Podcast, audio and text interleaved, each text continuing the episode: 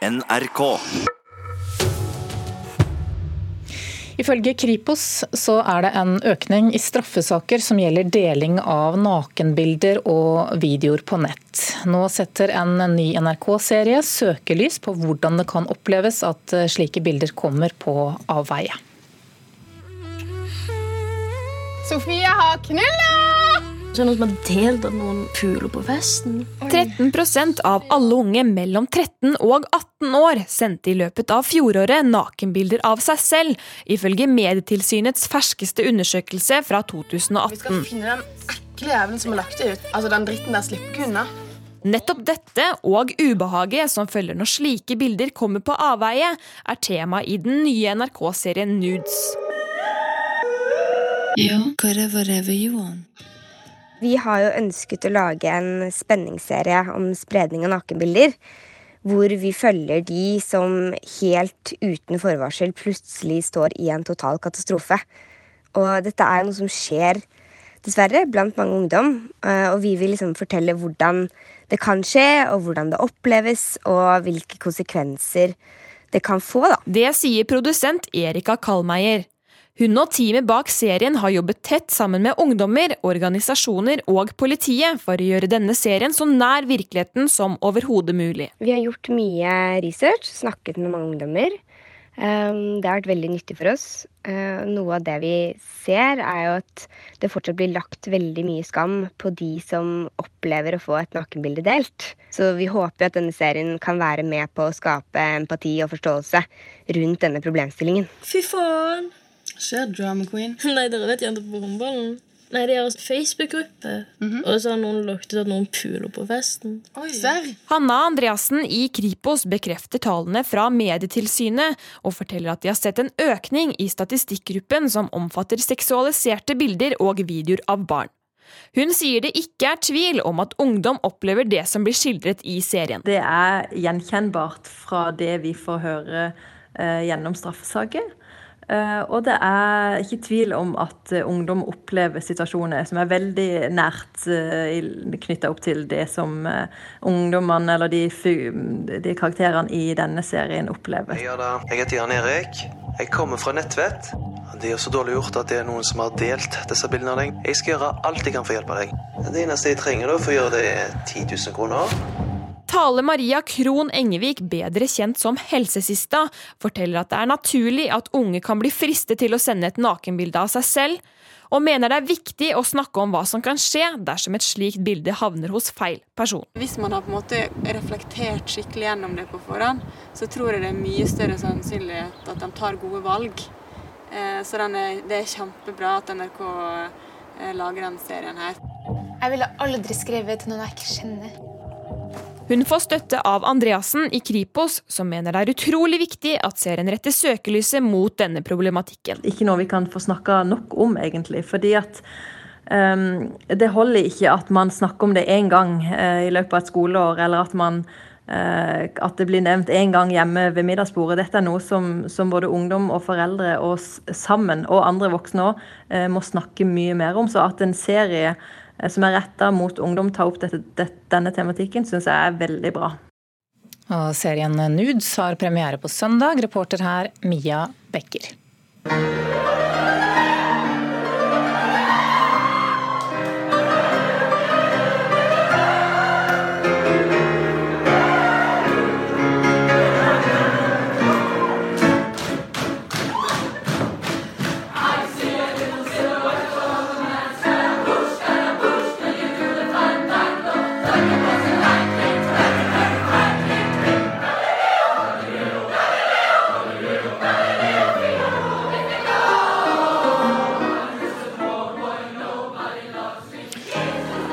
Altså lyden av 240 elever på Rud videregående skole i Bærum som synger Queen på sin aller første skoledag eh, denne høsten.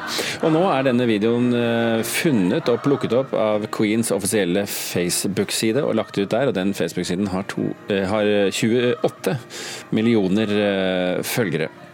Læreren som eh, våre TV-seerlyttere nå eh, ser på TV, sitter her i studio hos oss. Eh, Øystein Fevang, velkommen til Nyhetsmorgen. Takk skal du ha. Hvordan oppdaget du at denne videoen som du har lagt ut, ble plukket opp på Queens Facebook-side?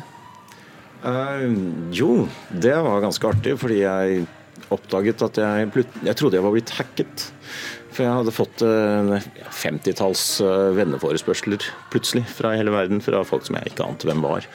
Så uh, og Noen øyeblikk senere så skjønte jeg det, da, for det var noen som hadde tagga meg eller kommentert og sånt. Og ikke minst så hadde vis, visninger på den videoen gått fra 174 000, som jo var ganske fantastisk her hjemme, men plutselig så raste den oppover med 100 000 flere visninger på et par timer. Ja. Og det fortsatte.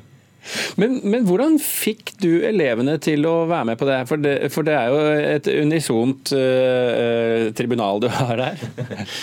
det er ganske tilfeldig, det. For det første så er det jo litt sånn vi har det, da. Uh, det er jobben min, og det er elevene våre.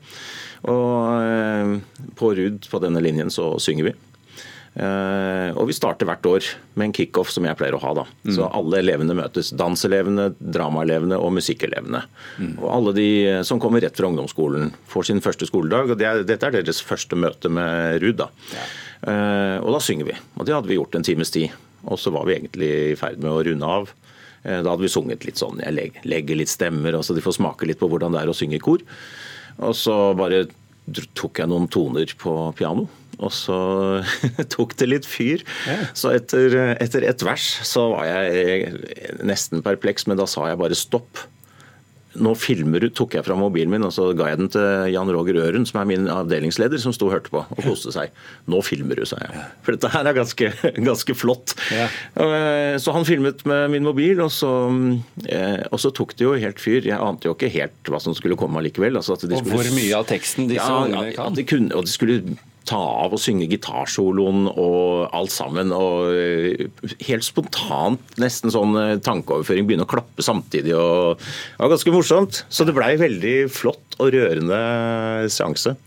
Men det er litt spesielt, for dette er jo en låt som, som ble laget på begynnelsen av 70-tallet. Sluppet på uh, Night at the Opera i 1975. Mm. Uh, har levd sitt uh, liv og vært, ligget på hitlistene ved flere anledninger opp igjennom om mm. de, de 44 årene. Mm. Ikke minst nå sist med den, denne filmen med Queen. Hva, men hva er det med den låta, sånn som du ser det? Det er, det er, jo en, det er vel det vi kan kalle en Innenfor rocken så er det en slags liten miniopera. Liksom. Altså, den har alle elementene fra ballade som den starter med. En a cappella-intro, ganske spesielt, eh, som liksom fanger oppmerksomheten. Flott ballade, og så går den over i et rockeparti, og så går den over i et slags eh, operatic parti. Og så er det dundrende rock'n'roll hvor det roes ned igjen. Så den har så mange elementer, og det, og det det er jo ganske flott at det faktisk treffer veldig hardt hos veldig mange. Mm. Er du av den mening at man burde synge mer på skolen? Og jeg antar at jeg vet svaret her. ja, svaret er ja. Hvorfor? For, jo, det kunne jeg snakket mye om. Det får du ikke lov til, du har 30 sekunder. Ja. Nei, fordi det er for det første fordi det er sunt. Fordi det gir bedre læring. Dette er vitenskapelig bevist.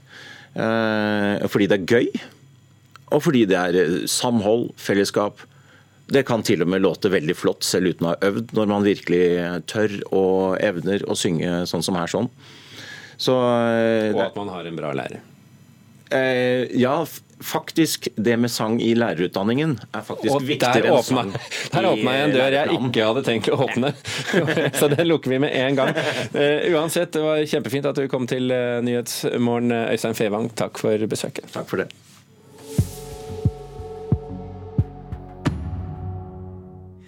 Det har snart eh, gått 20 eh, år av vårt nye årtusen, og dermed begynner det å dukke opp kåringer av typen eh, Var den beste musikken, kunsten, filmen på 2000-tallet, kulturreporter Elisabeth Grøndal. Ja, og The Guardian har nå kåret de 100 beste TV-seriene i dette århundret, altså de siste 20 årene.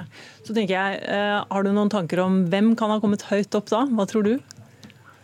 Jeg har en rekke gode kandidater, om jeg får lov til å si. Ja, og Jeg skal snart si hvem som vant, men først så har jeg lyst til å bare si noe om hvor viktig den serien som vant har vært for det vi ser av kvalitetsinnhold på TV nå. Og Da må vi spole tiden tilbake. Vi er tilbake i 1999. På TV på denne tiden går ofte overfladiske serier med korte episoder og forutsigbar handling. Og skal du se noe veldig originalt eller dypt, så må du gjerne på kino. Men så er det en som får en uvanlig idé til en TV-serie, og som faktisk også klarer å selge den inn til et selskap som driver med kabel-TV i USA.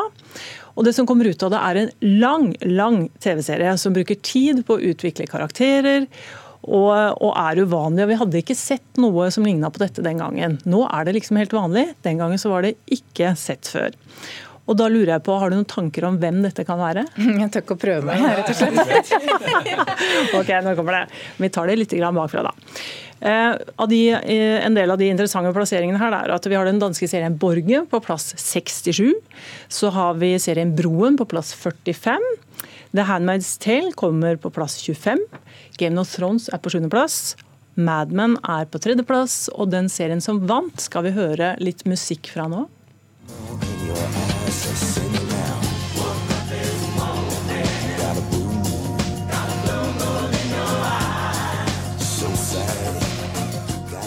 Ja, eh, Noen vil jo kjenne igjen dette med en gang, med magen, liksom. Og dette er eh, The Sopranos vi hører musikken fra her nå. Det er jo en veldig kjent serie, eller det har i hvert fall vært det, men eh, som mange av våre lyttere under 30 aldri har sett. De hadde lagt seg før foreldrene satt på denne. Men nå må de kanskje tenke på å se den allikevel. Og så er det også en, en, skinnende klar nyhet her. Det er nemlig det at han som skrev denne serien, han er i ferd med å skrive en kinofilm som er en såkalt sånn prequel, hvor man går inn før det som vi har sett. Altså hvordan var Tony Soprano som ung. Så den kommer også. Så her er det mye godbiter for fansen. Vi får bare oppfordre de unge lytterne da, til, å, til, å, ta for seg av Sopranos. Kan dere gjøre det? Vi skal ta for oss noe helt annet, men eh, også eh, høykvalitetsaffærer. fordi at på Kunstmuseet i Bergen så er nemlig Edvard Munch høstens store navn. Med to omfattende utstillinger fyller vår aller mest berømte kunstner eh, store deler av museet med Kodes arealer. Mona Palle Bjerke, kunstkritiker her i NRK. Kode benytter anledningen, skal vi si det sånn? Det gjør de virkelig. Dette er jo et unikt tidsvindu nå mens både Nasjonalmuseet og Munch-museet er på flyttefot og er villige da til å låne ut verk som de ellers aldri ville gitt uh, slipp på. Så nå har vi også sjansen til å se uh, konstellasjoner som vi ellers og antagelig aldri uh, vil se igjen. sånn som sånn som Livets dans, som eh, henger fast ikke sant, i Munch-salen på Nasjonalmuseet, den er jo nå stilt side om side ved kvinner i tre stadier, som heller aldri legger ut på reise, og som hører til i Kodes eh, samling. Men, men, Dette var to eksempler, men hvordan gjør de det hele, hele utstillingen under ett? Ja, dette er jo eh, Den første utstillingen, den som heter 'I oss er verdener', så har de gjort et veldig interessant formgrep. Der de på en måte har skapt et veldig slags gigantisk Møbiusbånd-aktig utstillingsarkitektur som altså, strekker seg sånn, sånn Det er ikke teknisk sett et Møbiusbånd, men det er liksom en, en, stor vegg som på en måte gjør at du, du kommer fra den ene avdelingen liksom sømløst inn i den andre. Man føler at den, den ene bildeavdelingen glir over i den andre, og det oppstår ny kontakt mellom ulike verksgrupper. Og så er det jo dette også som understreker tematikken her, nemlig forholdet mellom det indre og det ytre. Og så har man liksom i den indre del av veggen eh, bilder som tematiserer nettopp sjelestemninger, og også brytningen mellom det indre og det ytre som står så sentralt hos Munch, mens man da på den ytre delen av veggen har mer eh, bilder som forholder seg til den ytre verden. Og Dette jo da, tar jo fatt i Munchs sykliske verdensanskuelse. da. Mm. Men når vi ser disse bildene i Oslo, så går vi jo på Munch-museet, og så ser vi dem der, noen der. Og så går vi på Nasjonalmuseet, og så ser vi noen der. Hva får man eh, som, som ekstraverdi når, når, de er samlet? Det er en veldig kjent Munch vi møter her. Det er de store mesterverkene. Eh, men det som skjer da med denne, dette utrolig gode utstillingsgrepet, der på en måte form og innhold blir to sider av samme sak, det, det vi får der, er på en måte både at vi kommer tett på enkeltverker, men at vi ser nye sammenhenger av veldig kjente arbeider, sånn som f.eks. det mektige 'Blussende melankoli' fra 1901, som viser Munchs yngre søster Laura på Gaustad sykehus. Hun sitter sammenkrøpet eh, med virkelig sånt svart blikk av eh, naken redsel. Og hele duken blusser og pulserer som et veldig hjerteslag. Så her er liksom det ytre tar form av det indre, akkurat som bildet pubertet, som på en måte er i eh, øyekontakt med dette bildet, som også har dette at blikket er breddfullt av angst hos denne unge piken, og også denne skyggen som tårner seg opp i bakgrunnen. Mm, men Snakket vi om to utstillinger? Det er nettopp det vi gjør. fordi Det er en utstilling til eh, som heter 'Det eksperimentelle selvet', Edvard Munch og fotografi. Og Her får vi da en unik mulighet til å se inn i Munchs fotografiske verden. Eh, nå er det jo ingen som vil påstå at Munch var noen vesentlig fotograf i fotografiets historie. Han er rett og slett ganske eh, Dårlig. slett, eh, teknisk sett. Men, og han, men det var heller ikke hans siktemål å være en eh, perfekt fotograf. Han var opptatt av nettopp å la sin egen skygge falle på motivet, eller jobbe med dobbelteksponeringer, sånn at det er sånne skikkelser som vaker i bakgrunnen, som nesten som spøkelser, eller glemte minner. Er Litt sånn som skyggen til eh, den syke piken. ja, ikke sant? Så det er jo, Vi ser en veldig forbindelse også mellom maleriene og fotografiene, og der fotografiene nesten kan fungere litt som skisser, og vi kommer nært på hans blikk og hans kunstneriske prosess. og Det er jo det, denne utstillingen vil vise. Også den eksperimentelle leken og holdningen hos Edvard Munch. Så, så den enkle konklusjonen her, eh, alle må til Bergen. Alle må til Bergen. De som nå savner på en måte å kunne gå innom Munch-salen f.eks. på Nasjonalgalleriet, må jo bare komme seg til Bergen. Det er Bergen som er stedet nå, både for turister og for oss. Mm. Mona Palle Bjerke, takk skal du ha.